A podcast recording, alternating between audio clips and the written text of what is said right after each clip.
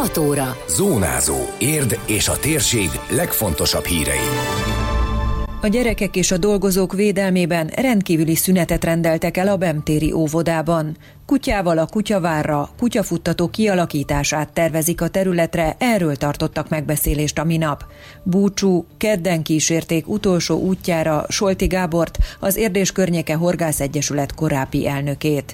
Köszöntöm Önöket, Endres Dóra vagyok. Ez a Zónázó, az Érdefem 1013 hírmagazinja, a térség legfontosabb híreivel. Bezárták a Bemtéri óvodát. Hétfőn három csoport került karanténba a Szivárvány óvodában. Vince Beáta intézményvezető elmondta, a bezárásra az ANTS adott utasítást telefonon, miután két a múlt héten tesztelt kollégáról a hétvégén bebizonyosodott, hogy fertőzött, egy pedig gyanús volt.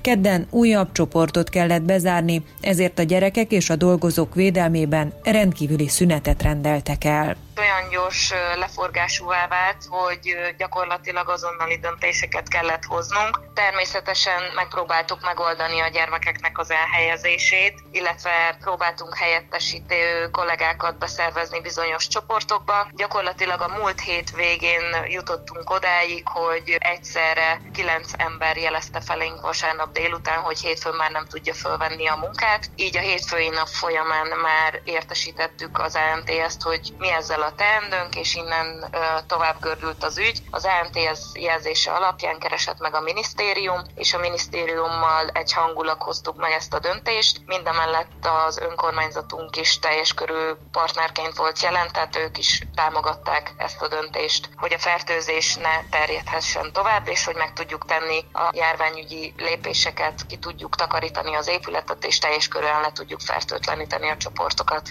Vince Beáta kiemelte, hogy az intézményben már elvégezték a fertőtlenítő nagy takarítást. Teljes körű fertőtlenítést rendeltünk el természetesen, ahogy az ANTS karanténba tette az első három csoportunkat, ott azonnali lépéseket tettünk. Ozongenerátoros fertőtlenítéssel kezdtünk, és minden textíliát, minden játékot egyesével azonnal lefertőtlenítettünk, és lezártuk a csoportokat, illetve, hogy elrendelték a rendkívüli szünetet, folyamatosan csoport csoportról csoportra és épületszegmensről szegmensre haladtak a kollégák, és lefertőtlenítettek mindent. Vince Beáta hozzátette, azoknak a gyerekeknek, akiknek szülei nem tudnak szabadságot kivenni a rendkívüli szünetre, ügyeletet biztosítanak. Fontos tudni azonban, hogy ügyeletet csak azoknak a gyerekeknek lehet kérni, akik nem kerültek karanténba. A gyerekek távollétét az óvoda igazoltnak tekinti, várhatóan november másodikán nyithatnak újra.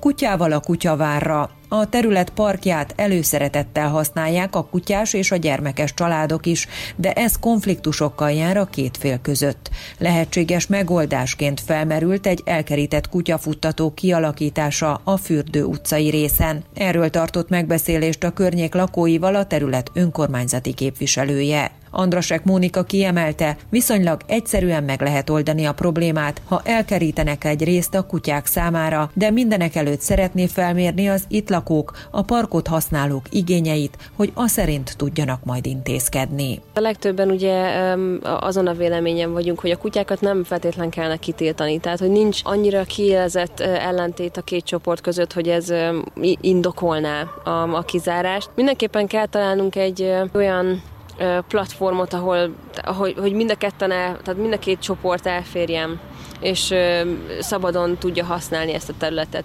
Nyilván itt a, itt a közösség nevelésére kéne leg, legfőképpen koncentrálnunk, hogy, hogy a, a fiatalabb korcsoport is mondjuk tisztelje a, az itt lévő romokat, és mondjuk tisztán tartsák. És, tehát a kutyások sokkal nem hiszem, hogy akkor a probléma lenne. Én nem gondolnám. Főleg így a beszélgetésekből kiderült, hogy itt nem feltétlenül az a legnagyobb probléma. A fórumhoz hozzászólt egy végzős építész hallgató is, Gergye Menyhért, aki már évek óta tanulmányozza a kutyavárat, és diplomamunkáját éppen abból írja, hogyan lehetne a park mindenkié, úgy, hogy közben műemlékvédelmi területként se sérülhessen. A diplomamunkámat a műemlékvédelmi tanszéken csinálom a műegyetemen, és ez egy nagyon fontos szempont, de mi úgy általában úgy gondoljuk, hogy a műemlékeket használni kell, hiszen ezek épületek és elsősorban egy funkciót láttak el, és főleg a kutyavár egy olyan műemléképület, amiről tudjuk, hogy a történelem során itt vadászkutyákat tartottak. Egy erdős területen, tehát itt voltak kutyák tartva mindig is. És ezért a kutyák idevalók valójában, persze azt elhelyezve. Tehát nem, ahogy nem a kutyavárban tartották a kutyákat, hanem valószínű kisebb kiszolgáló épületekben körülötte. Ugyanúgy nem a műemléken kell létrehozni a kutyafuttatót, hanem a telken belül közel hozzá, de elkerítve attól elszeparálva. A kutyásoknak és a gyerekeseknek a tervem szerint én mindkettőjük számára biztosítottam egy-egy külön helyet, ahova félrevonulhatnak, és a közös területet pedig nyilván mindenki használhatja. De az elkerített terület való valójában arra, hogy a kutyások futassák a kutyájukat, és lenne egy kisebb elterített játsz, elkerített játszótér is, ahol a gyerekesek játszhatnak. Kedden kísérték utolsó útjára Solti Gábort, az Érdés Környéke Horgász Egyesület korábbi elnökét, akinek a horgászaton kívül a tanítás is a szenvedélye volt.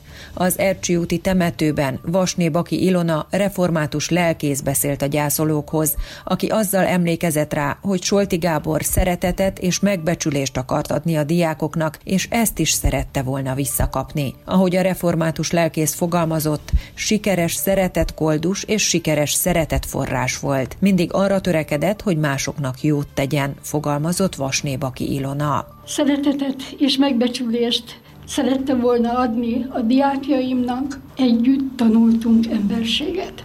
Ő ezt szerette volna átadni a szakmája tudásán túl. Amikor arról beszélt, hogy mit is szeretne átadni, akkor mindig erről volt szó, hogy megbecsülést és tiszteletet szeretett volna kivívni önmagának. Ez volt az életének a nagy célja és a nagy belső tartása. Ahogy én láttam őt, sikeres, szeretett koldus volt, és sikeres, szeretett forrás. Ami ennek én láttam őt, ez volt számára az egyik legfontosabb, megbecsüljenek, szeressenek, tiszteljenek, és megtett érte mindent, tényleg mindent. Járt a saját kicsit keményfejű útjain, de mindahányszor nagyon meleg szívvel és nagyon tiszta szívvel törekedett arra, hogy másoknak jót tegyen. Solti Gábor elnöksége alatt a Horgász Egyesület nagy segítséget nyújtott a vörösi szab katasztrófa sújtotta kolontárnak. Búcsúztatásán a település polgármestere Horváth Zoltán is szólt a megjelentekhez. Gábor néhány barátjával minden évfordulón visszatért Kolontárra, amíg tehette. Még kerekes székből is szólt hozzánk. Amikor már nem tudott jönni, a hangját küldte, de velünk volt. Minden október 4-én. Beteg volt, de a kolontári emberekkel mindig törődött. Solti Gábort a családtagok, barátok és volt kollégák kísérték utolsó útjára. Időjárás.